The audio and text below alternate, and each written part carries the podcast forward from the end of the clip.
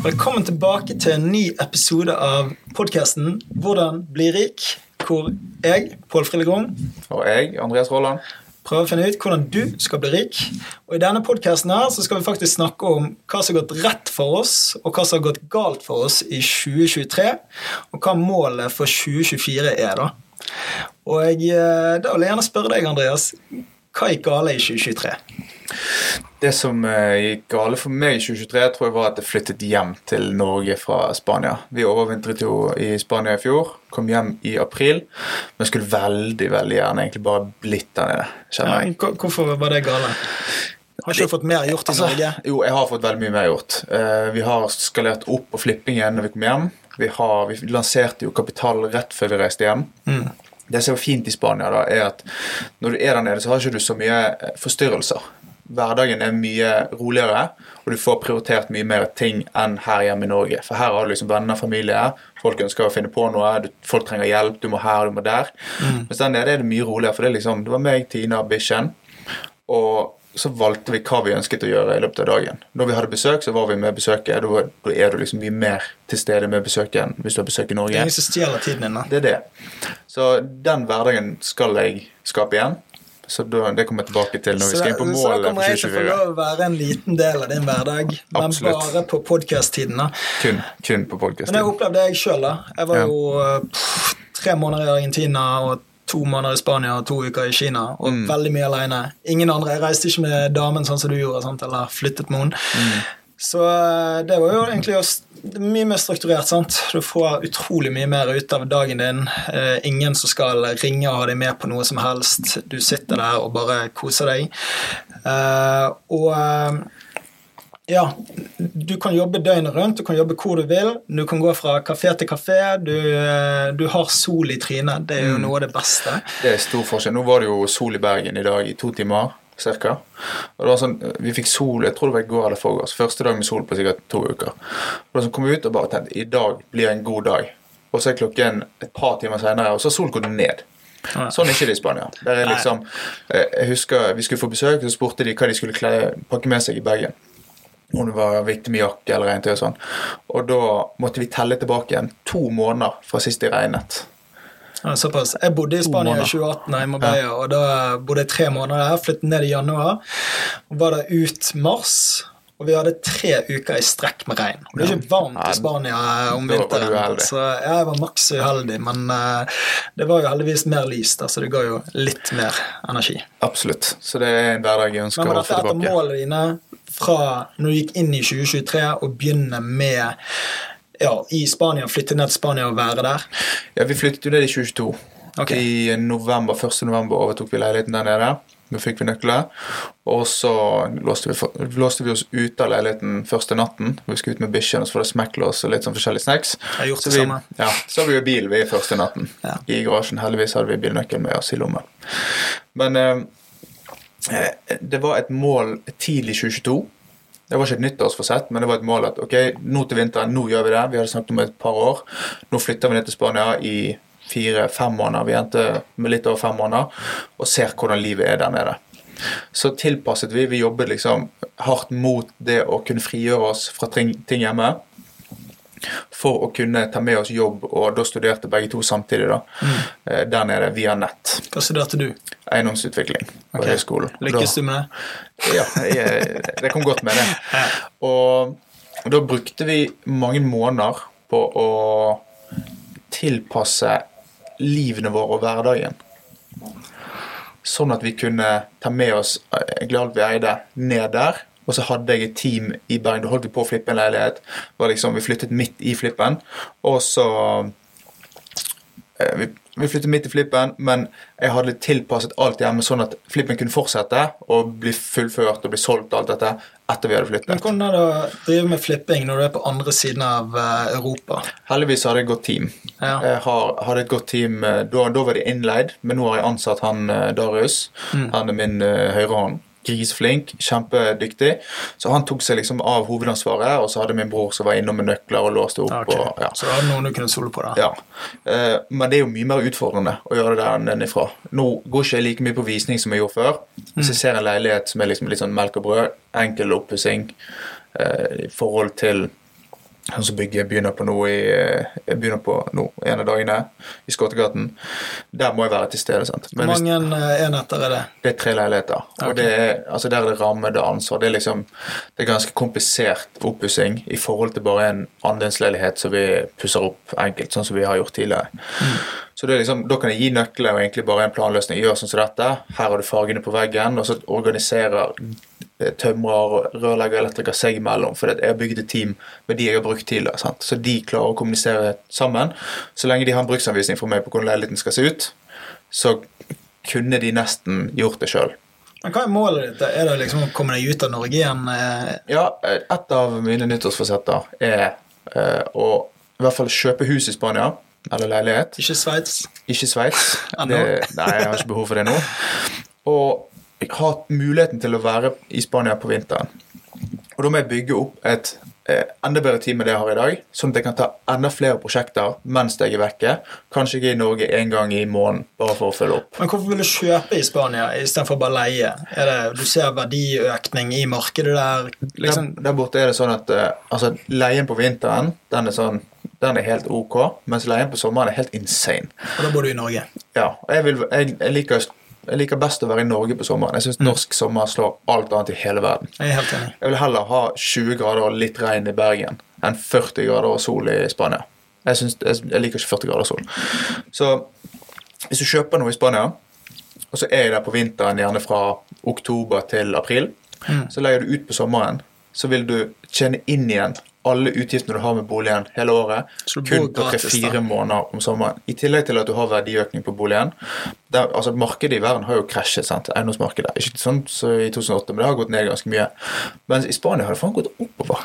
Ja, men det, det tror jeg har med at du kan jobbe digitalt. Veldig mange. Nå har jeg vært i Absolutt. Marbella, så jeg tror for ekstremt mange ledere, Mm. eiere bedrifter som kommer fra England og Sverige og Norge, som bor der nede, drar hjem et par ganger i måneden, og så eh, styrer de det meste derfra. Bare kommer hjem og må sjekke at alt er greit. Men folk har jo lyst til å bo i varmen. De har lyst til å bo komfortabelt. De har lyst til å kunne gå på en joggetur eller uh, gå på fjellet, og det er sol ute, og det er varmt. ja. Men Det som jeg ser er veldig interessant, er når du nevner Spania og la oss ta Marbella, der jeg er mer kjent. Der, der har det stått stille siden finanskrisen. Det har bare gått, Hele markedet gikk rett ned. Det var boomet før det. Og så uh, gikk prisene nå rett før covid opp til der de var i 2018. Men nå etter covid, eller under 28 covid eller 28. Tj- eh, eh, 28. Ja. Men ja, det tok ti år da, for å komme opp igjen. Eh, Men nå bygges det bare det der nede, og investeres sinnssykt mye penger. Dolce Gabbana kommer med eget leilighetsprosjekt, og eh, Lamborghini har vel 52 nei, villaer som de bygger der. Jeg mener du får med en Lamborghini hvis du kjøper der, så det er ganske dyrt. Super. Så eh, det, det er mye investeringer som skjer der, og det tror jeg er generelt i Spania. Og det har mye med den digitale bølgen vi ser av at folk Absolutt. ønsker å jobbe rundt ekvator, egentlig. da. Folk vil være i varme strøk. Ja, ja, du det er jo. USA òg. Ja, men Florida boomer. Økonomien der aldri vært bedre. Boligmarkedet der til himmels. Så eh, flere og flere bedrifter flytter fra New York og fra LA over til eh, Austin, Texas og eh, Miami nå. Ja, bare på Texas er jo på en skatt. ja, men det er Miami òg, da. Ja. Du har ingen inntektsskatt i Miami. Ja, det er ikke rart folk flytter. men eh, hva andre mål hadde du når du gikk inn i 2023? Da hadde jeg Jeg husker faktisk ikke de målene, for jeg skrev de kanskje ned og sa tok noen sånne vanlige mål. Trene bedre, ha bedre helse. Men det som er viktig, som jeg har funnet ut, og som egentlig gir mening når du tenker over det, er at det hjelper ikke å ha mål hvis ikke du kan måle de. Mm. For hvis du ønsker å komme i bedre form, så hjelper ikke det å ha mål om å komme i bedre form. Da må du måle om å trene 150 ganger eller 200 ganger- ganger. Du må ha en måte å komme deg til målet som må være målbar. Ja, for du, du liker jo å eh, måle ting og sammenligne deg sjøl. Konkurrere. sant? Du konkurrerer egentlig mot deg sjøl året Absolutt. før, eller hva det var. sant? Jeg, jeg husker når jeg eh, skulle gå ned i vekt, så hadde jeg en sånn app hvor du kunne sjekke inn hver dag du gikk og trente. Om jeg gikk på Fløyen eller om jeg gikk på treningssenter, så sjekket jeg inn, skrev jeg hva jeg hadde gjort, tok bilde av det, og så bare kunne jeg se hvor mange ganger jeg hadde trent den måneden. Så kunne jeg sammenligne med måneden før, og eh, det var motiverende. sant? Men det er jo bare det at du faktisk kan tikke av en boks og si 'dette har jeg gjort'. sant? Det har mye å si si Det er eh, dopamin. Det er dopamin. Og du kan igjen måle det. Du kan, liksom, du kan se at du faktisk klarer det. Og Jeg lastet ned en app nå, Habits. Eh, Testa den ut et par dager. Han var ikke helt sånn som jeg håpet han skulle være. For jeg ønsker å kunne tracke målene mine på en måte som gir litt dopamin, og som pusher deg til å fortsette. Har du Ja. prøvd Duolingo? Nei, men min bror har sånn 500 dagers streak på det. Streaken der gjør at du, altså du får en notification. Du skal bare inn, du bruker kanskje fem minutter på å gjøre noen oppgaver. Så får du den streaken. Og den streaken er nok til å pushe deg når du har 200 dager på rad. Så stopper ikke du på Stopper 200. ikke. Ja, han, sitter, han sitter rett over midnatt hver eneste dag og legger inn eh, greiene på Duolingo, da, bare Ja. for å holde streaken. Ja, og det hjelper jo. Så jeg har lyst til å finne en app som gjør det for andre mål du har. Jeg har ikke funnet en enda. Jeg spurte på Twitter, fikk ikke egentlig de svarene jeg håpte på. Det var sånn, det er egentlig ofte det beste. Folk bruker notater. Ja. Så hvis det, det finnes en app der ute, eller hvis noen har lyst til å lage en ja, Jeg har lyst på en, eh, en app som hjelper å holde kontroll på aktiviteter og mål du sitter i løpet av året. Det trenger ikke være året heller, men hvis du har, si du har et mål som du skal gjøre i løpet av året. Litt sånn som den Notion-templaten som du delte. Ja. Så bør du òg kunne ha delmål for hvert kvartal, for hver måned, for hver uke og igjen for hver dag. Så du kan gå inn og så kan du oppnå småting en gang for dagen, eller du kan oppnå dette kvartalet klart det for jeg skal nå målet mitt, som gjør at jeg ender nærmere å nå det store målet. For hvis målet er for stort, og du ikke har kontroll på hvor langt unna du er, så er det jævlig vanskelig å nå det. Det som er veldig interessant med mål, det er jo at ting virker veldig vanskelig i det lange løp, men hvis du zoomer ut, og så ser du hvor mye nærmere du er målet nå versus eh, hvor du var for et år siden, da, og sammenligner det, så virker du du virker, Det virker ikke så vanskelig å nå det målet da, men eh, Faktisk. når du bare ser dag til dag sånn, Samme det er når du skal gå ned i vekt, Ja, eller hva det er du skal gjøre. Sant? Eller opp i vekt. Så er det, Du merker ikke forskjell fra en dag til en annen, men det compounder jo. Sant? Ja, ja. Så eh, de eh, vanene du gjør, eller det arbeidet du legger ned i dag, om et år så vil det ha ganske stor effekt. Ja, blir du 1% bedre hver dag. Så det er 365% i året. sant? Og så compounder det jo. Så det blir 1% av 101% og så går det oppover. Ja, det blir jo mer enn eh, 36 Ja, da blir det 60. jævla mye bedre. Ja. Fikk et spørsmål her på, på liven vår på TikTok. Hva Ok. jobber Pål med? Hva er Pål jobber med? Jeg driver med klokker. Så jeg har eh, et klokkemerke som heter eh, Berg Watches, som er startet i 2016. Og eh, ja, vært eh, opp- og nedturer som med alle andre businesser. Veldig vanskelig under covid. eh, Lite som beveget seg av vanlige klokker da når ingen skulle vise seg frem. Etter det så måtte jeg på en måte relansere klokkemerket, da, og da var det litt å designe rundt følelser til folk, og hva er det folk har relasjoner til. Eh, Så da gikk jeg etter fotballklubber, tok kontakt med Bodø-Glimt, fikk eh, pitchet inn på to minutter der, og det ble to salg, faktisk. To kolleksjoner jeg laget for Bodø-Glimt. Eh, lager klokker for Argentina sitt eh, VM-lag, altså verdensmesterklokken deres. Lager laget nettopp for Brentford i Premier League. Snakka med noen andre Premier League-klubber. Fikk melding av Arsenal, eh, eller mail av Arsenal før i dag eh, om vi skal få til noe. Så eh, ja, selger både til fotballklubber, designer for dem, men vi selger òg på nettsiden vår, da, bergwatches.no. Og eh, der har vi mer sånn norskinspirerte klokker. da, Begynte egentlig med lakseskinn, klokkereimer. Eh, så var det mest unike med klokkene. Og så eh, lager jeg egentlig design som jeg synes er fete sjøl.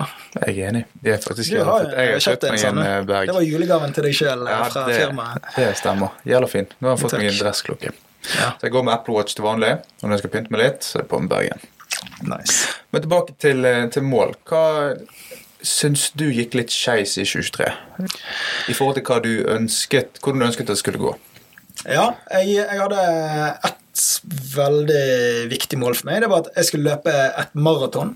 Mm. Det skjedde ikke. Det var jævlig kjedelig.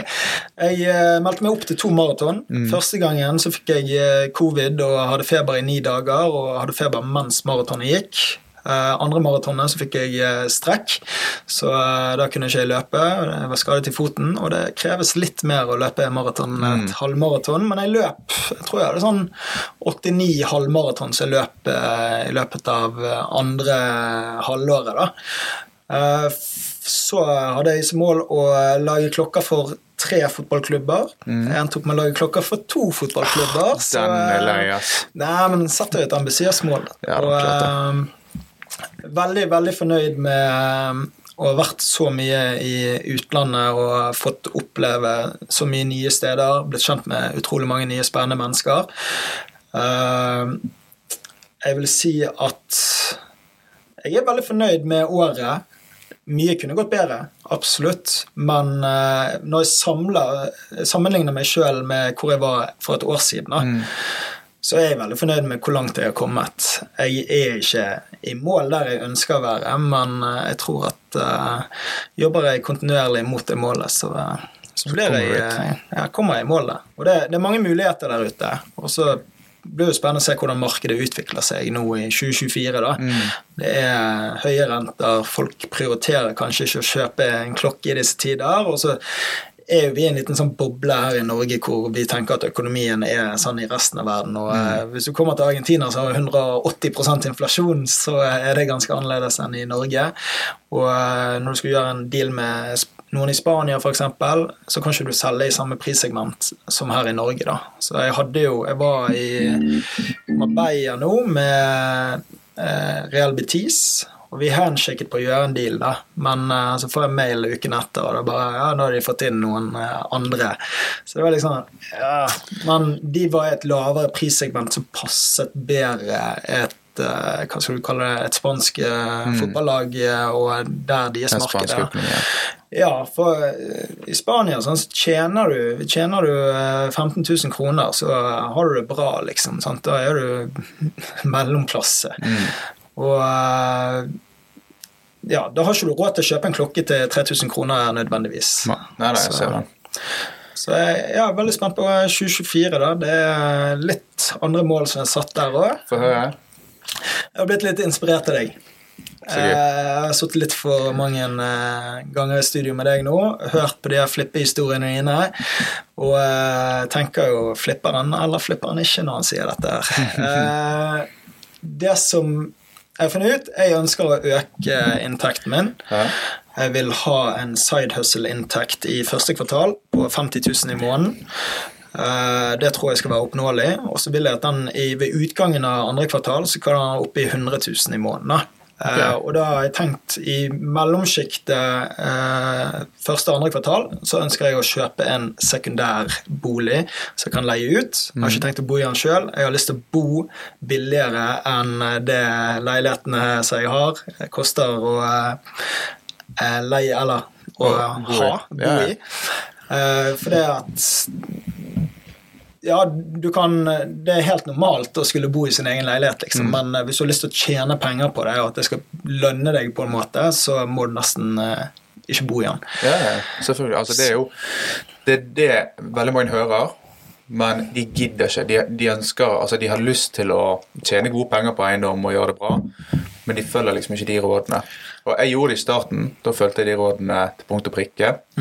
Men nå eh, merker jeg det at jeg har prioritert litt høyere levestandard ved at vi nå flyttet inn i den ene flippen som vi egentlig skulle flippe, for han blir jævla bra. Og så vi, trivdes vi ikke så godt i den leiligheten vi bodde i, så da valgte vi å leie den ut, og så flytter vi, eller har vi nå flyttet i rekkehuset istedenfor.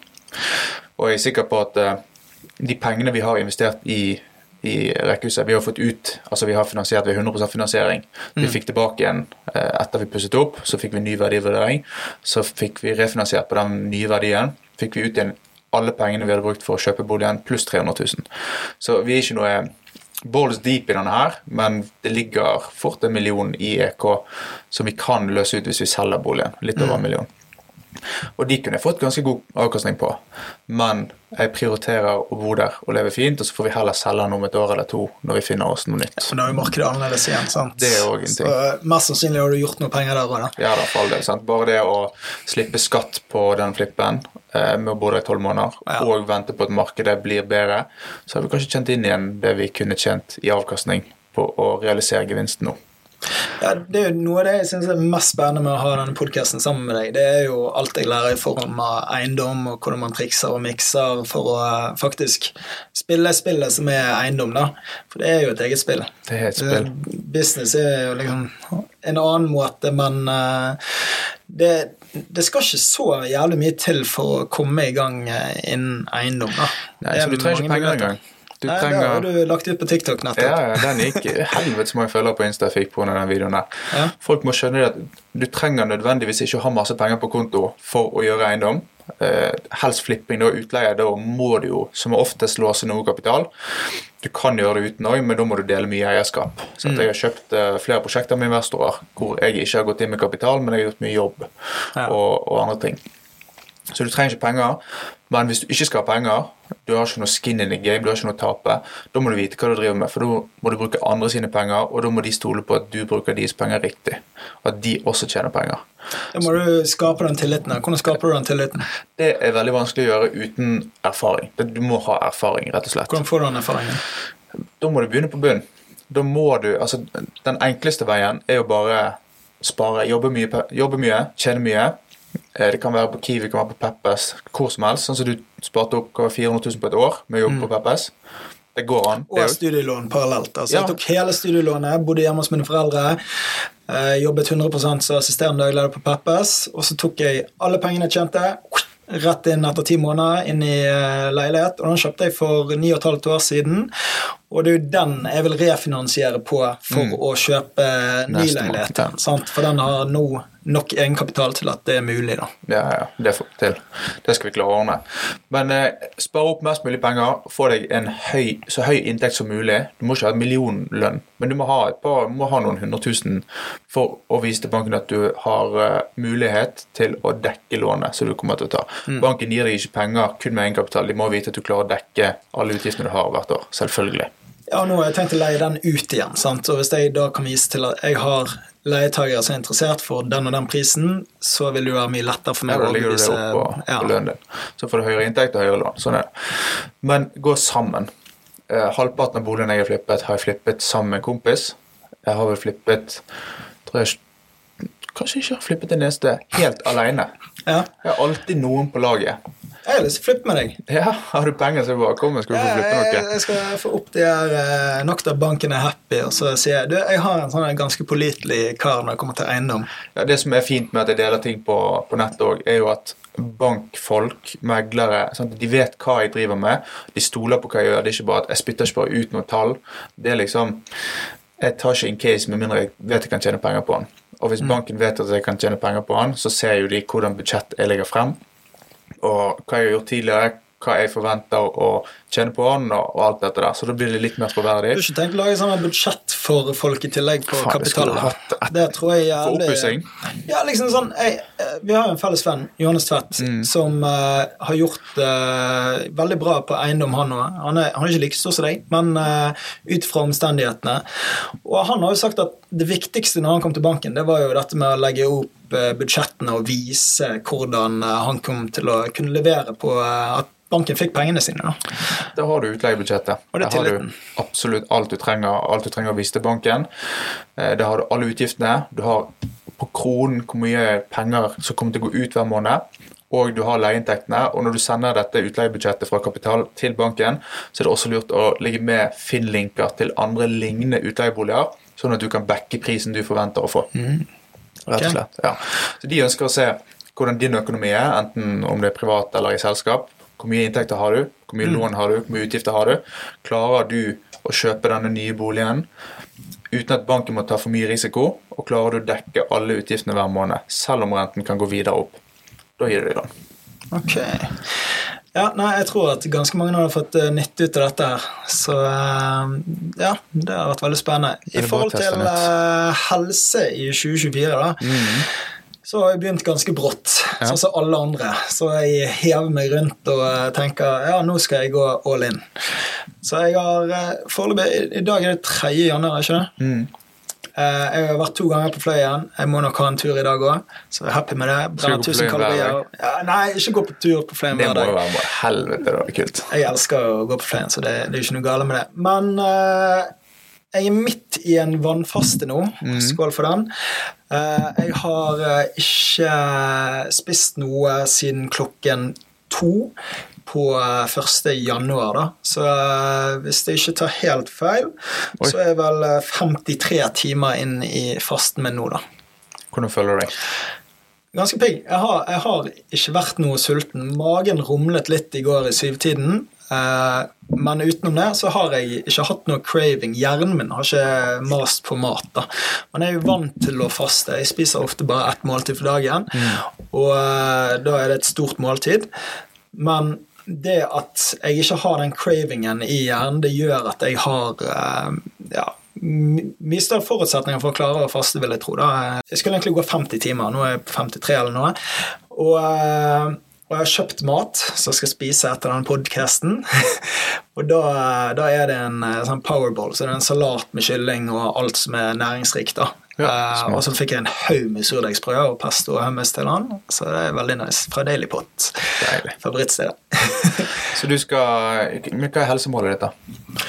Nei, eh, nå, når jeg snakket med Johannes Tvedt i går, da, så eh, han er i Colombia nå. Og han trener jo hver jævla dag på treningssenter, det gjør jo ikke jeg. Men vi, vi liker like høy, vi veier ca. det samme, og så var det ok, begge skal om å være under 80 kg til eh, 1. februar. Og det skulle jeg egentlig ha ut første kvartal da, som mål. Eh, og nå Jeg var vel rett under 85 i romjulen, så jeg nikket oppe der. Eh, jeg har som mål i livet å aldri være over 85 igjen, okay. og det skrev jeg da jeg var 92 kilo. Mm, Eh, Ambisiøst. Men eh, så Ja, jeg tror det er jo en ting, men vekt er jo ikke så viktig. Det handler jo egentlig mer om å være komfortabel med seg sjøl og Ja, sin egen kropp. Og eh, du kan gå opp i vekt, men eh, det er ofte bare muskler, sant. Mm. Eh, Så det, det er jo ikke det som er nødvendigvis målet å være lettest mulig. Men eh, akkurat nå med den vannfasten, så er jo det å bare sjekke ut hvordan det føles. Jeg har hørt mange snakke varmt om det. Eh, Du bør nok kanskje være vant til å faste før du eh, hiver deg rundt på det. Snakket med en fyr på TikTok, eh, Sindre heter han. Han skulle gjøre det i 72 timer. Jeg tror han knakk etter 37 eller noe. Ikke kvot meg på det. Men jeg synes det er veldig gøy å eksperimentere med min egen kropp og se hva jeg mentalt har mulighet til å klare og kjempe imot. liksom. Ta de enkle utveiene og se hva som faktisk er mulig. da. Og, eh, og så det, må jeg løpe et gjelda maraton i 2024, da, siden jeg ikke klarte det i 2023. Jeg venter på at isen forsvinner nå, så kan jeg begynne å løpe litt ut igjen. Eh, hva andre helsemål har jeg? Jeg er veldig opptatt av eh, magen min. da, at, den, altså, at jeg skal spise riktig. Det begynte med i januar i fjor. Da jeg hørte en podkast på eh, The Diary of a CEO eh, om gut biology, da, som er egentlig tarmbakterier og at du skal ha så og så mye forskjellige frukt og grønt og eh, bakterier som kommer ut fra det, og putte det i kroppen din. Så det har jeg blitt veldig opptatt av. Begynt med mye mer fermentert mat. eh, Drikke kombucha istedenfor å eh, ja, drikke noe som er usunt. Kombucha, hva er det? Kombucha er fermentert te, da. Så det er masse det det er masse bakterier i den teen, så det er mange levende organismer inni den. da.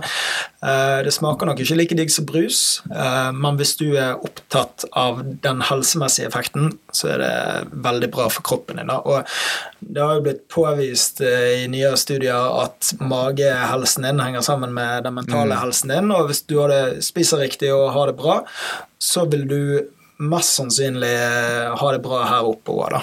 Og eh, det har vært veldig viktig for meg, da. Og det er jo en av grunnene til at jeg sluttet å drikke alkohol òg, er jo at jeg jeg eh, fikk mye fylleangst. Våknet eh, Husket ikke gjerne hva som hadde skjedd eh, dagen før med noen blackouts. Eh, våknet opp med masse notifikasjoner på telefonen tenkte hva er dette for noe. Det er ikke så, eh, så gøy. Så i går så hadde jeg 600 dager uten alkohol. eh, 17. mai 2022. Det var du- siste dagen. Så når du nesten 1000 da, etter dette året. Ja, nesten. Men uh, ja, teller egentlig ikke så mye dager, men av og til får jeg forespørsler av folk. Ja, 'Hvor lenge har du vært uten?' nå?' Så spør jeg ChatGPT. Liksom. 'Jeg har sluttet den dagen. Hvor mange dager har det gått nå?' Sant? Og får du en sånn kontinuer- kontinuerlig oppdatering. Men uh, jeg tror det er veldig mange som er opptatt av det nå i uh, januar, i hvert fall, da, med hvit måned. Og uh, det beste tipset mitt er egentlig at ok, gå på fester, kjøp en alkoholfri øl eller en kombucha. Kjøp mocktail på byen hvis du vil ha noe der. Hvis du vil ha en gin and tonic, så kjøper du egentlig bare med tonicvann. Gjerne ingefær-tonic. Og Ja. da smaker det utrolig digg. Det ser ut som du drikker alkohol, så du føler deg komfortabel i det selskapet du er rundt. Når vi Eh, hadde Stig her på Ja. båten, så smakte jeg eh, på den ingefærtonicen. Det var Jeg, med chili, sant? jeg kjente en liten bris, selv om Ja. det ikke var alkohol igjen. Ja, men du får placeboeffekt, i hvert fall i starten Ja, ja, ja. når du drikker alkoholfritt. Jeg, det er jo ikke sånn at jeg har stoppet å eh, drikke når jeg er på eh, ja, eh, arrangementer med mange folk, da. Jeg kan jo eh, drikke gjerne ti alkoholfrie øl, tolv for den saks skyld. Samme mengde like fort så alle andre sitter og pimper ned på pilsen sin, om ikke mer. Men eh, jeg drikker det for smaken, og at det blir veldig unormalt å sitte i et lag hvor alle andre sitter og drikker og ikke har noe å drikke på. Så derfor eh, ja, kjøper jeg mye alkoholfri øl. Men, eh, Så du det fortsetter, da. Ja, 2024 kommer ikke til å bli noe alkohol eh, i det året heller. Ikke brus heller. Nei. Brus. Sluttet med to og et halvt år siden. Jeg var veldig avhengig av brus. Jeg veide 102,3 kilo og gikk vel ned 25 kilo. Bare med å slutte å drikke brus. Nei, ikke bare ved å slutte å drikke brus. Jeg endret helt livsstil, Ja, rett og slett. Jeg begynte å trene, ta vare på meg sjøl. Eh, gå på Fløyen, gå på treningssenter, spise et helt annet type kosthold. Eh, mye mindre ultraprosessert mat. Så Før så kunne jeg gjerne kjøpe en Grandis eller Big One et par ganger i uken, og det har ikke spist på flere år nå. Eh, så, og sukker eller brus. Eh, sukkerfri brus tar jeg heller ikke drikker. Så jeg savner julebrusen litt, da, men eh, utenom det så går det ganske greit. Jeg, jeg har den Pepsi Max, nei, så jeg er så glad i. Ja. Og det er mye koffein i Pepsi Max. Så jeg slet veldig mye med å sove tidligere. Frem til jeg fant ut at det var mye koffein i Pepsi Max. Så da sluttet jeg å drikke det etter klokken midt på dagen en gang. Sånn ett, to, tre-tiden. Og så prøvde jeg en stund å holde meg unna koffein i det hele tatt. Kaffe og alt sånt, så det før, altså, jeg skulle ikke drikke det etter tolv. da. Det hjalp veldig. Ja, I Spania, så, jeg- men jeg ville fortsatt ha Pepsi Max-en min på dagtid. da. Jeg, hvis jeg, kan, jeg kan sitte og jobbe og drikke Pepsi Max. Helt prima. Jeg gjorde det i dag senest. Der nede så fant jeg en Pepsi Max uten koffein. Smakte helt lik, bare at det var ikke koffein. Så den kunne jeg sitte og pimpe ned i til, til middag og til kvelds mens vi så på film eller hva vi gjorde. Ingen koffein. Jeg fikk sove. Men da er vi tilbake inn på det med magehelse. da. Ja. Eh, Det er jo ikke sunt for deg å putte i alle de syntetiske stoffene Nei, og samtidig med alkohol. også Så du får mye mer uh, balanse i magen din ved å eh, droppe brus og uh, alkohol for den saks skyld. Men uh, ingen trenger å være crazy på det, liksom. Men hvis man vil gjøre noen steg, så er det kanskje Brusen. å droppe en av de noe. For min del begynte jeg mye mer med kaffe etter jeg sluttet å drikke alkohol. da. Blitt, for det, jeg har alltid likt ja, forskjellige craft beers sant? og uh, teste forskjellige IPA-er og jeg liker smaken i det, og sammen med gin og det. da. Men da måtte jeg finne det i noe annet, og da ble det gjerne i kombucha og kaffe. da, så, Og etter hvert tre måneder i Argentina så ble jeg skikkelig liksom eh, feinschmecker på eh, kaffe. Da, nå måtte det være kvalitet, ellers gadd jeg ikke drikke det. sant, så På eh, sånn hotellfrokosten så var det skikkelig dårlig kaffe, men så gikk jeg bare fra kafé til kafé til kafé. Og eh, plutselig så har jeg drukket fem kopper kaffe, sant? og jeg merker at jeg begynner å riste. Sant? Hjernen klarer ikke å fokusere. Så jeg måtte jeg endre helt. eh, Kom hjem til Norge, kjørte en måned uten kaffe. Det var fra 17. mai. Så det er liksom da jeg slutter med ting. det er 17. mai da. 17. mai. Eh, gjorde en måned uten kaffe, og så gikk jeg de neste to ukene etter det så gikk jeg en uke uh, Nei, da hadde jeg én kaffe på to uker. Uh, og det var, det var helt annen mindset. Så du sier hvis du ikke drikker kaffe etter klokken tolv? Du, du holder deg til kanskje bare én kaffe. Det er en helt annen ting. Men for min del så handler det mer om smak og kosen, og at det er noe jeg ofrer. da. Men altså, det å slutte på koffein Jeg har prøvd et par ganger å ha sånn eh, Hva heter det? Jeg har en stund der jeg slutta med koffein og, og Mm. bare detoxa helt. Og det er hodepine i tre dager konstant. Ja, Det er helt jævlig. Den er jævlig. Men hvis du holder deg unna all koffein i to uker og tar én kopp kaffe igjen Det er som å smake sin første kopp kaffe. Du blir helt våken. Du blir helt gal i hodet. Ja, det smaker så godt, da. Ja, Den smaker nydelig. Hvis du det- lager skikkelig kaffe. da. ja, ja. Ja, vi hadde jo en kaffemaskin i forrige leiligheten vår, Sånn Ja. integrert, sånn dyr og jævla god kaffe. Så flytter vi videre nå og ikke kunne ta den med seg Vi har ikke plass til den på det nye Ah, kjøkkenet, så da er, vi, vi tilbake til puter. Men det smaker greit, det òg. Det var bare nykvernet eh, kaffe hver morgen. Oh, neste kjøkken, da skal vi ha Ja, integrert. det, det er jeg veldig opptatt av. Så jeg går jo på kafé hver hele dag og drikker kaffe. sant? Eh, Jeg vil ha kvalitetskaffe, Mm. og jeg syns liksom, ingenting er bedre enn en nytraktet dobbel espresso. liksom, så bare... Ja, den er ikke Ja. jeg fan av. Espressoen, men uh, En helsemål i 2024 på deg, da? ingen sukker. Ja. Og så skal jeg gå et snitt på 10 000 skritt for dagen. Ok, Ingen sukker, det kommer jo fra Stig Berreksen da han var i studio her. Stemmer. Og eh, ja, han, han drikker mer enn noe alkohol, Mhm. og det er jo en annen form for gift. Eh, men eh, sukker er Jeg vil si at det er mye verre. Ja. Og så er det Det er mest liksom- avhengighetsskapen i verden. Ja. Det er vanskelig å ikke spise sukker. Men hvordan skal du Ja, det er vanskelig. Hvordan skal du slutte med det? Hvordan skal du klare det? Altså, tingen, Jeg har jo gjort dette før, Mm. eh, og det går helt til jeg skal ha en cheat day. Da er jeg tilbake igjen der jeg var. Da må da okay. craver jeg. Så det jeg ikke må ha, det er en cheat day. Det er ikke verre enn det. Og så har jeg funnet en life hack. Uh, cottage cheese med vaniljesmak. Jeg har spist det nå et par ganger. Den, er ganske ny. Okay. Jævla god. Uh, mange som ikke liker den. Ikke det vanilje i- Nei, sukker i vanilje, da? Jo, men altså tilsatt sukker. Ja. Og den med blåbær. Da kan jeg kan sitte og kose meg med det. Og det er høyt på protein. Det er veldig lite kalorier. Og så smaker det ganske mye og ganske godt pga. blåbærene. da. Ok. Og så, ja Det er mye, mye sukker i frukt. Men den type Ja, men det er jo fruktose. Det ja, er jo Den type sukker skal jeg ikke holde meg unna. Selvfølgelig skal ikke jeg pimpe ned på en pakke druer og ti epler for dagen, men frukt kan jeg fint unne meg. Og Tina spiser veldig lite sukker og usunn mat generelt, så det blir jo egentlig lettere å spise, spise sunt enn eh, om jeg ikke hadde vært henne. Men eh, liksom sånn Ja, når jeg var i Argentina, spiste jeg eh, glatto hver eneste kveld. liksom. Det var sånn, ok, gå, Løpe fem kilometer, gått 20 000 skritt, og, eh, og så bare sånn Ja, jeg må belønne meg sjøl med en gelato. Gelato? Det er jo eh, italiensk iskrem. Sant? Beste som finnes. Og eh, sant? Betaler 20 kroner for uh, to kuler, og bare Mm. Og så sitter du der, og så har du uh, Ja, da har du 600 kalorier liksom bare sånn knocket inn uh, igjen. Og eh, jeg føler liksom at når jeg dropper melkesjokoladen, da, så finner hodet mitt et eller annet å erstatte den med som er, gir den det kicket. Liksom. Det er sukker i ganske mange ting. Mm. Skal du ikke ha skillingsbolle, du skal ikke ha noe kjeks, du skal ikke ha noe sjokolade, ingen brus, Ja, br- sukkerfri brus. Ja. Hvorfor kan ikke du bare droppe brus generelt, da? Jeg har ikke lyst til å droppe Pepsi Max-en. Jeg føler ikke behov for å droppe den. For den gir ikke meg det søtsuget som Det sånn fører meg tilbake til sjokoladen. avhengighetsgreie. Uh, kan jeg, jeg vil ikke ofre den. Jeg kan slite hvis ja. Altså Pepsi Max-en, uh, den kommer jeg til å drikke. Uh, Ikke noe sukkerholdig brus. Kaffe selvfølgelig kommer jeg til å drikke.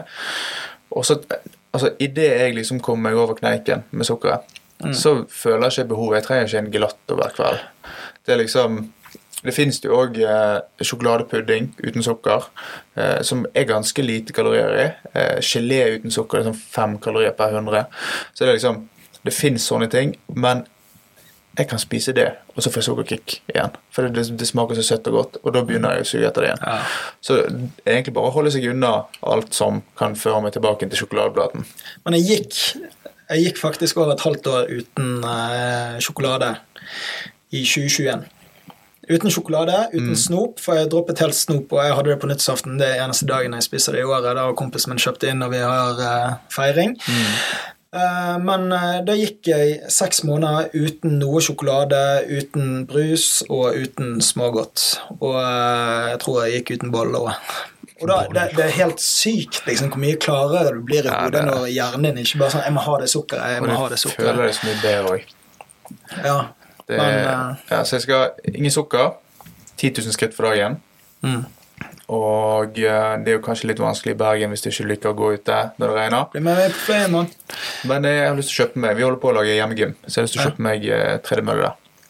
I fjor så hadde jeg en challenge som eh, en PT, Kristoffer. Ja.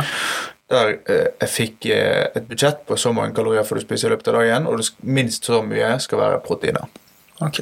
Da gikk det helt fint å tracke til det, men da hadde jeg et mål. Da hadde jeg en dato hvor Du jeg skulle som har fulgt med deg, at Ja. du gjør det du skal gjøre. da. Og da måtte jeg tracke absolutt alt jeg spiste. Og hvis jeg spiste i skjul uten å tracke det og sende det til han, og han sier at jeg går opp i vekt når jeg skal gå ned i vekt, eller ikke gå ned så mye som han forventet jeg skulle gå ned, så sier han du, kompis, vær ærlig. sant? Så jeg kunne ikke cheate med han. Det kunne jeg sjøl lurer egentlig, men du klarer jo faktisk å bli tatt for det òg. Det er en veldig god businessidé. da. Eh, Dette er noe som gjør i USA. Eh, Det er jo at du melder deg opp, du ønsker å gå ned i vekt, sant? eller du ønsker å gå på trening så og så mange dager, og så har du noen som ringer deg hver dag. Spør har du gjort det. Ok, hvorfor har du gjort det? Hvorfor har du ikke gjort det? Sant? Og så får du noen som du rapporterer til, som Ok, eh, det er ikke sant han kommer gjennom skjermen eller telefonen og slår deg fordi at du ikke har gjort det, men du har noen som holder deg ansvarlig sant? og stiller deg de spørsmålene til hvorfor. Og dette er ganske skalerbart, for da kan du egentlig bare melde deg opp til en sånn service. Ok, jeg betaler 2000 i måneden, denne personen hjelper meg for å eh, gå ned i vekt, eh, at jeg går på trening, når de målene jeg ønsker. Og så eh, er det gjerne en 15 minutters samtale hver dag. Og så skalerer du det til at du fyller det opp til en hel dag, og så kan du ansette flere som bare er på telefonen og eh, tar de møtene for deg. da. Istedenfor å gå og betale en PT. Hva koster en PT i dag per time? 799? Ja, du kan sikkert få det for 1000 òg. Ja, det er sikkert langt over det. men, eh, men uansett så, så Det- er det noen som holder deg ansvarlig, for det, det er jo det det som, ja, som regel går i. da. Men det var litt det jeg hadde. Jeg kan faktisk anbefale alle som ønsker å komme seg i form, eh, som ikke klarer helt å finne ut av det sjøl, å få en eh, online coach. Det er det Kristoffer er. Han koster vel jeg tror det er 2 eller 2500 i måneden. Det er mye penger, men jeg syns det absolutt var verdt det. Da har du en som følger deg opp på alt. Eh, en gang i uken så skal du sende bilder og mål av kroppen for hvordan den ser ut der og da. Sånn at han kan følge med hele prosessen. Du skal, For alle øvelsene du tar, så er det jo selvfølgelig han som lager et program til deg. Skal du ta alle øvelsene hvis det er noe, hvis du knirker litt i skuldrene, et eller annet, så tilpasser han det eh, til hvordan kroppen reagerer på treningsapparatene som er på gymmen og alt dette. Han lager matplan, regulerer kaloriene dine for om du skal opp eller ned. Han, liksom, han følger deg hele veien. Og hvis du ikke går på gymmen, så får du ikke resultater. Og da blir han skuffet. Ja, Sant. det, det er jo akkurat det. Ja. Det er derfor du må ha en treningsbuddy som tar Ja. og drar deg med. Og det er derfor vi er to i poden. Og det, da, jeg blir skuffet hvis ikke du møter opp og du setter av tid, og det samme med deg. Og nå er vi så heldige at vi har fått med oss Emilie, som er vår produsent. Så det er jo nydelig. Da er vi hun kommer vi i hvert fall ikke skuffe. hun kan i hvert fall ikke skuffe. Uh, hun er beinhard. Men uh, ja, så det er jo det å ha noen som holder deg accountable. Og det er derfor at uh, nå når jeg satt et mål om i forhold til vekt med han kompisen min, eller vår, så er jo det noe som gjør at vi begge holder oss accountable og pusher mot det målet, istedenfor at vi bare har det litt løst i hodet. Sant? Og Det er derfor det er viktig å skrive ned målene sine Ja. og kunne titte på det en gang iblant og vite at ok, kommer jeg ett steg nærmere målet mitt hvis jeg eh, gjør dette her i dag. sant? Men jeg tror det kan være lurt å liksom ha sånne etapper som vi snakket om tidligere òg. For i år er første gang eh, i mitt liv hvor jeg har publisert mine mål for året. Denne gangen jeg gjorde det på Twitter. Ok. Eller, jeg har fem mål der. Jeg har noen mål ekstra med eksempel å publisere én TikTok på min egen og én TikTok på Kapital sin hver eneste dag. Det er heftig. Det er ganske heftig, så vi får se om jeg klarer det. Men det er i hvert fall målet. Og jeg kommer til å strekke meg langt for å klare det. Ja, og eh, Madammen kan hjelpe meg, hun er jo innholdsprodusent i selskapet. Så hun liksom pusher meg og hjelper meg å redigere hvis ikke har tid. Så fem mål på, eh, på Twitter. Jeg skal øke min utleieportefølje. I dag ligger han på ca. 34 millioner. Jeg skal opp til 45 millioner. Pusher jeg hardt, så kan jeg klare 50 òg, men jeg skal i hvert fall klare 45 millioner. 30% vekst. Det er en heftig vekst, men altså, kapasiteten min er mye bedre nå. Kunnskapen er mye bedre nå. Deal jeg var på visning sist i går. Nettverket ditt er mye bedre. Nettverk. Nettverket mitt i 2023, mye av deg, har blitt mye, mye større og mye bedre med riktige folk. Ja. Det kommer til å hjelpe meg veldig. Jeg skal øke utleieporteføljen min. Den skal i hvert fall dobles på to år, om ikke mer. Jeg skal opp på 45, kanskje mer, men eh, minst 45. Jeg skal Hva er utleieportefølje, da? Er det verdien av leilighetene eller eiendommene du eier? Det er eier? markedsverdien. Markedsverdien av leilighetene, det er ikke Ja, det er å si det sånn. Nei da. Nei da. Eh, Det er verdien på, på porteføljen. Hvis Ok. det, du selger all porteføljen i markedet, så er det den prisen du får for det. Men her må jeg ta i litt, da. Mm. For det at uh, du vil bo i Spania, men du får ikke det nettverket som du snakker om uh, hvis du hadde bodd i Spania. Da, Nei, det er helt du er nødt til å møte folk i, i egen sant. person. Selvfølgelig du vil få et annet nettverk i Spania, sikkert av eh, folk som driver med eiendom der nede, og andre interessante mennesker, men det som skjer i Bergen, det skjer i Bergen. Ja. Og hvis du skal drive og bli stor i Bergen på eiendom, så må du faktisk være til stede i markedet her regelmessig. da. Du kan ikke bo et halvt år eh, i Spania. Da må du i hvert fall være hjemme om i Ja, ja, en uke eller to her og der. Og jeg tror nok jeg kommer til å begynne med, med noe eiendom nede i Spania òg. Vi var i Spania i to uker før vi var på visning på første flipp-prosjektet der nede. Nå gjennomførte vi ikke noe prosjekt der, for jeg hadde mye i Bergen gående. Men jeg tipper at hvis vi bruker mange måneder i året fremover i Spania, så blir det nok til å flippe der nede òg. Sitte seg inn i det markedet. Ja. Så er det en som spør om, vi, om man burde kjøpe krypto i, dag.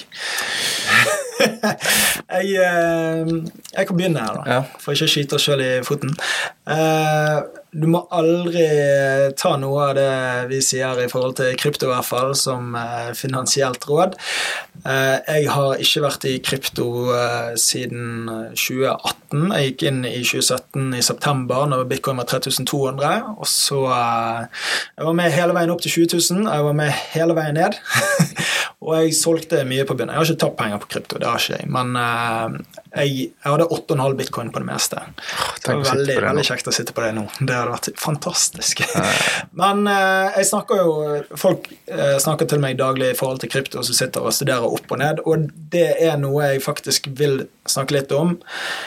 Hvis ikke du er veldig eksponert mot det sant? Jeg tror veldig mange sitter og titter på kryptoen sin gå opp og ned, mer enn at det, det har ikke nok verdi i form av hvor mye de ville tjent på å bruke den tilsvarende tiden på å skape noen annen inntekt, da, så kunne du reinvestert i mer krypto. Sant? Jeg, jeg har vært der sjøl i 2017. Jeg sov ikke.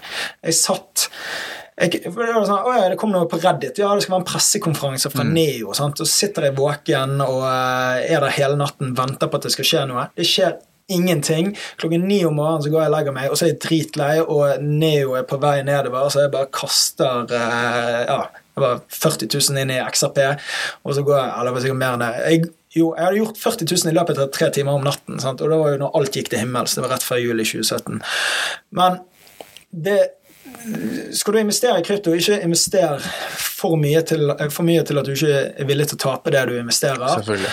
Eh, invester nok til at du kan Eller ikke for mye til at du er nødt til å titte på det hele tiden. Investere noe du er komfortabelt med, så du kan sette vekk. Ikke daytrade i krypto, for det tar all tiden din. Også Og altså, det er vanskelig ikke å bli grådig. Jeg har tjent, mye, jeg har tjent mange, mange penger på daytrading, men jeg har tapt så å si alt igjen. Ja, det Fordi det- at du blir grådig. Ja, og det var det jeg lærte av krypto i 2017, i boomen der. sant? Da jeg var i New York, jeg eh, kom der til, og hadde en halv million i krypto. Og så eh, i løpet av to uker, 16 dager da jeg var der, så var det oppe i 1 250 Og så sitter jeg på flyet seks timer fra New York til Bergen, og så er jeg ned 250 000 kroner. Mens jeg sitter på flyet. Jeg har jo ikke internett. sant? Og så eh, Da har det vært noen nyheter i Korea, og så bare rett ned. Jeg tenker, ja, ja, men jeg har sett flere sånne dipper. Så da bare tenkte, jeg, da den kommer opp igjen. Og det gjorde han ikke. Og da hadde jeg satt som mål at når jeg hadde gjort tigangen, for jeg gikk inn med 100 000 Når jeg hadde gjort tigangen, så skal jeg ta ut det jeg har gått inn med. Men så ser du at det, å, det går opp 20-25% hver dag når det er sånne der crazy tider i krypto. Og da, da er det ingen vits i å og ikke ta ut det, for du, blir bare grådig. Sant? I hodet ditt sier ja, men i morgen så er de, eh, det er 25 000 mer ne, hvis jeg tar eh, de eh, 100 000 og lar de være der. Så det er utrolig vanskelig å treffe toppen. Utrolig vanskelig å treffe bunnen i eiendomsmarkedet, som du har vært innom òg. Eh, når det kommer til krypto, så er det, det hefning i 2024, hvis jeg ikke tar helt feil. Så, eh, og da har det vist seg at det går eh, som regel oppover i den perioden. Men så er det det, det er utrolig vanskelig å finne riktig kryptovaluta som man skal investere i. Og hvis ikke du gjør research sjøl, så kommer du ikke til å faktisk gjøre suksess. For da kjøper du bare det alle andre har hypet opp, og så kommer du til å bomme på det som faktisk har potensial og kan gjøre at du tjener gode penger på det. Så mitt tips er Kjøp kun for det du har råd til å tape, og eh, ikke titt på det hver jævla dag, for det tar fucker med hodet ditt mentalt. Ja, men, Ja, men det, det det er helt sykt. Jeg hadde ganske flaks på SafeMoon. Eh, Det så jeg på TikTok. Han kom opp Jeg var inne veldig tidlig. Jeg satte inn jeg tror det var 17 000 den gangen. Så hadde en kamerat jeg fortalte det til. Han satte inn 40 000 en uke etter meg. Da hadde min doblet seg. Eller nesten doblet seg. Så når min doblet seg, så cashet jeg ut. Jævla fornøyd. Hadde doblet pengene på to uker. eller sånn. Men han cashet ikke ut. Jeg bare, Hvorfor casher ikke du ut? Du har jo nesten, du har snart doblet dine penger òg. Nei, han skal videre. Jeg bare, Faen, jeg har råd til å tape disse pengene. Så går jeg inn igjen. Oi. På toppen han cashet ut 350 000 kroner i profitt på de 40 000. Oi. Jeg cashet ikke ut. Jeg var på 37 000 dollar i verdi. Cashet ikke ut. Den- Denne skal videre. Hva var det du sa den het? SafeMoon. Så det var ikke en safe moon? Nei. Okay. Det var, det var bare piss. Ja. Men eh, det var liksom Det var en hype, sant. Mm. Og jeg delte på TikTok at selvfølgelig anbefaler ikke jeg noen å gjøre dette, men denne hypen her hiver jeg meg på. Jeg har gått inn med så og så mye penger, eller jeg vet ikke om jeg eh, sa hvor mye penger, men mye penger i hvert fall. 17 000. Og hadde en jævlig fin oppgang på den. Solgte meg ut når jeg var på ca. 100 000 kroner. Så jeg tjente jo penger på den, men hadde ikke vært så grådig og solgt når kameraten min solgte. Han solgte nesten clean på toppen. Det var litt flaks, det òg. Så hadde jeg tjent faen 300 og mange tusen. Ja, men det, det er jo litt problemet. sant? Hvis du hyper noe for en annen, så kan du selge deg ut på et tidspunkt. Alle sier 'kjøp dette', men ingen sier 'selg dette nå'. Så da, da får du plutselig den der eh, fingeren tilbake til deg. eh, Ja, du bare må kjøpe denne. Ja. bare, ja, det gikk veldig rett i eh, en måneds tid, og så Mm. plutselig rett sør igjen. sant? Og Derfor er det veldig farlig å skulle anbefale Det i hvert fall shitcoins til folk å kjøpe. da. Det, er, det jeg har gjort med mange andre shitcoins, er at jeg går inn med en sum, og når han har doblet seg, så går jeg ut igjen med summen jeg gikk inn med, Nettopp. og så lar jeg den andre doble seg en gang til, så går jeg ut med halve, helt til den krasjer. Og den strategien har jeg lagt ut på TikTok og sagt jeg går inn i denne coinen her, når han dobler seg, så kommer jeg til å cashe ut. Hvis han ikke dobler seg, så taper jeg pengene. Og så er det mange som har investert som meg, tjent mye penger, og så har jeg den ene coinen tapte jeg vel kanskje 80 av det jeg gikk inn med. Men igjen, det er en kjemperisiko. sant? Det har jeg gjort på aksjer òg, liksom. Jeg, jeg kjøpte GoPro. Den var ned 50% og den gikk ned 95% til. Så da var det sånn Ok, da skriver jeg det av på skatten. Det tar på der. Ja. Så uh... Men uh, sånn generelt krypto, jeg er kjempefan. Nå har jeg alle, så å si alle mine penger i eiendom. Eh, men det, jeg tror ikke at Hadde jeg hatt penger på konto akkurat nå, som ikke skulle i eiendom, så hadde jeg nok kjøpt eh, noe krypto. Har du kjøpt BTC, da? Jeg hadde ikke kjøpt bitcoin. Jeg tror jeg hadde kjøpt eh, nå skal, Jeg anbefaler ingen å gjøre dette, men jeg tror jeg hadde kjøpt mest eh, Ethereum. Og gjerne noen gaming coins, for jeg tror gaming kommer til å boome i neste bull market. Ja, så vi rounder av kryptoen der, men jeg tror at uh, dette kan være et bra år for krypto. Uh, basert på historisk data, da, med det hefning at det går positivt, da. Men uh, Og så- jeg sitter ikke sjøl og studerer charts opp og ned hver eneste dag, så jeg er ikke en ekspert. Jeg vil heller at vi får på en Ja, ja, ja. som du få inn. har Han er kjempeflink. Krypto-Ole. Krypto-Ole. Han er griseflink type. Men eh, altså, eh, på Twitter så er det jo Der er det veldig sånn kontroversielt med krypto. Det er veldig Mm. mange som er forguder krypto. og De er alt annet enn ydmykt når det går opp.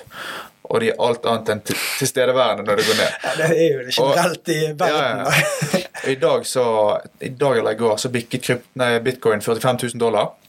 Og så droppet den som faen. Sugde rett ned når alle trodde den skulle gå opp. Og det folk ler på Twitter. Ha, alle krypto, eh, kryptofolk holder kjeft nå.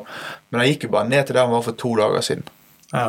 Så det er bare at han har hatt enorm vekst de siste to dagene, og så droppet han ned i der han var for to dager siden. Det er ikke krise, det heller. Nei, nei, men det er jo psykologi. sant? Folk tenker 'å faen, da har jeg tapt de pengene', men så egentlig så har du aldri hatt de pengene heller. Ja, ja. Og det, er- Men- det, er liksom, det er to dager. Vi har nytt spørsmål her. Hvor mye per kvadratmeter bør man regne å bruke på oppussing?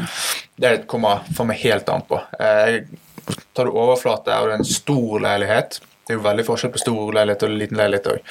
Bad og kjøkkenet koster så å si det samme, mens eh, andre overflater som gulv er jo gjerne billig. Så skal du kun male og bytte gulv og litt sånn, så kan du sikkert få det ned til Gjør det mye sjøl. 3000-4000 per kvadratmeter. Jeg har flippet flere boliger til 4000 per kvadratmeter, men da er det gjerne 100 kvadrat. Så. Jeg snakket med en før deg. Han var med på sånn her uh, oppussingsprogram som gikk på TV 2. I, Mm. Hva heter det? Som var hovedsakelig Bergen. da. Uansett, de hadde gitt dem som budsjett 200 000 å pusse opp uh, et hus slash leilighet ute på Askøy. Er ikke mye. og bare den, ja, men uh, Han hadde fått 40 000 i rabatt av Ja, Tid for hjem var det. Ja, ja. Og uh, han hadde fått 40 000 i rabatt pga. de hadde gjort noe som de ikke hadde avtalt. I tillegg så brukte de 160 000 da, totalt på det, og den peisen som de hadde fikset opp i, den var 100 000 alene. Da. Og, så jeg tror de har fått jævlig god deal. Men uh, jeg er litt usikker på hvordan det funker, om de betaler for håndverkerne, eller om det kun det er kun materiell de betaler okay. for. så det er en god får deal, de da. Ja, ja, det er kjempegod deal, men det er jo litt risiko, da. For Ja, ja. de er veldig glad i å være kreative. Sa jeg skal ikke ha sånn der uh, skog på veggen. uh, Og det fikk han. Nei, det Ja, gjorde han ok, ikke. bra. Men det var samme designeren. Altså, Ja. Han var ikke så happy med å ha fått den kommentaren. Jeg ser det. Nei, så det er, det er veldig forskjellig. Eh, Har du en stor leilighet der du skal gjøre lite eller gjerne gjøre mye sjøl, Hva er de beste tipsene, da?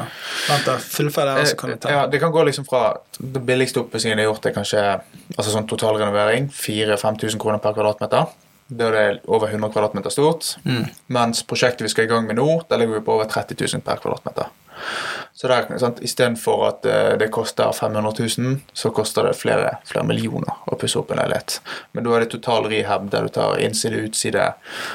Du river ned alt og bygger det opp på nytt. Du har brannskiller, du har nye balkonger, nye vinduer. Hvor mye verdiøkning forventer du på det? Hva er verdien av eiendommen, og hva forventer du at den skal være når du selger? Jeg forventer en eh, Jeg har ikke regnet på prosentvis, men eh, kjøper på 7,2. Pusser opp for 5,5. Forventer 15 i salg, cirka. Shit. Så jeg forventer en, en fin eh, avkastning der. Sant? Det er høy risiko, og da forventer jeg også høy, høy avkastning. Ja. Så vi, vi får se. Når skal denne stå klar? Nå får vi fasiten på dette. Mai-juni håper jeg å selge den. Okay. Er det noen andre mål du har for 2024? Skal Podcasten? flippe, flippe minst fem leiligheter. Ok, jeg, jeg vil at vi, vi kaster ut Hva hva er dine podkastmål for 2024? Hvor mange lyttere skal vi ha per eh, episode? Hvor mange abonnenter eh, eller følgere skal vi ha på TikTok? La oss ta det. Og eh, klarer vi Hvor mange episoder klarer vi i løpet av et år? Vi klarer klare én i uken. Det er 52 i året. Eh, vi skal ha ukentlig lyttere. Totalt på poden så skal vi ligge på minst 5000. Mhm. I dag ligger vi på ca. 500. Ok. Eh, og vi skal ha jævla kule gjester på. Eh, de kan vi gjerne ikke disclose enda, men eh, det er mange jeg har lyst til å ha på, og det er mange som kommer på, så det blir jævlig kult. Følgere på TikTok, hvor mange har vi der nå? 774. Da skal vi, Du var inne på å kikke ut i sted. Da skal vi ha 20 000 på TikTok. Ok. Jeg har 25 000 på TikTok Ja, det var nesten. som mål. Ja. Uh, jeg har faktisk 5000 jeg òg som uh, ukentlige, ukentlige lyttere som mål. Og så eh, eh, Hva annet var det jeg spurte om? Hvor mange episoder ja, 52 episoder må vi klare uansett. Eh, her er det bare meg og deg som holder hverandre ansvarlig, og Emilie som eh, virkelig holder oss i ørene. Så skal dette gå veldig bra. Eh, jeg føler nesten at vi ikke lager nok episoder i forhold til hvor mange vi vil snakke med. da. Ja, det er sant. Kanskje det blir to uker en stund. Ja, hvis vi, vi ønsker jo ikke å tjene penger på denne podkasten. Vi ønsker jo egentlig bare reinvestere i kvaliteten. At den bare blir bedre og bedre for hver episode og hver gjest vi har. Og det gjør at vi får bedre gjester i tillegg, og mer eksponering. Og bedre produkt for de som sitter hjemme og lytter. Eh, Så da er jo det få inn en eh, solid eh, sponsor som passer eh, varemerket og hva vi ønsker å kommunisere. Få på plass høyere produksjonsverdi, og det tror jeg vi kommer til å ha nå fremover.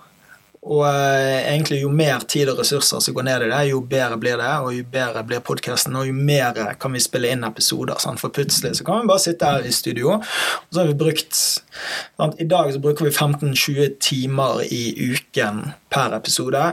Mens hvis vi kan komme ned til fem, per, nei, fem timer per episode, eh, så blir det jævlig nice. hvis vi, Da kan vi smekke to stykker i uken, tror jeg. Ja, det er ikke dumt. Da kan vi kanskje ha én episode i uken med meg og deg, og så kan vi kanskje ha én episode med gjest Gjest. eh, en gang i uken. Men eh, det er veldig mange spennende gjester foran, og jeg gleder meg virkelig til å deepdive inn i hvem de er. Absolutt. Det blir et kjempekult år. Jeg tror vi kommer til å nå målene våre fortere enn vi tror. Aldri vært mer motivert for å oppnå ting som i år, og jeg tror at vi runder av med det. Ja. Ikke glem å abonnere på Spotify eller der du hører podkast, eller på YouTube. Eller på TikTok. Hvordan bli rik.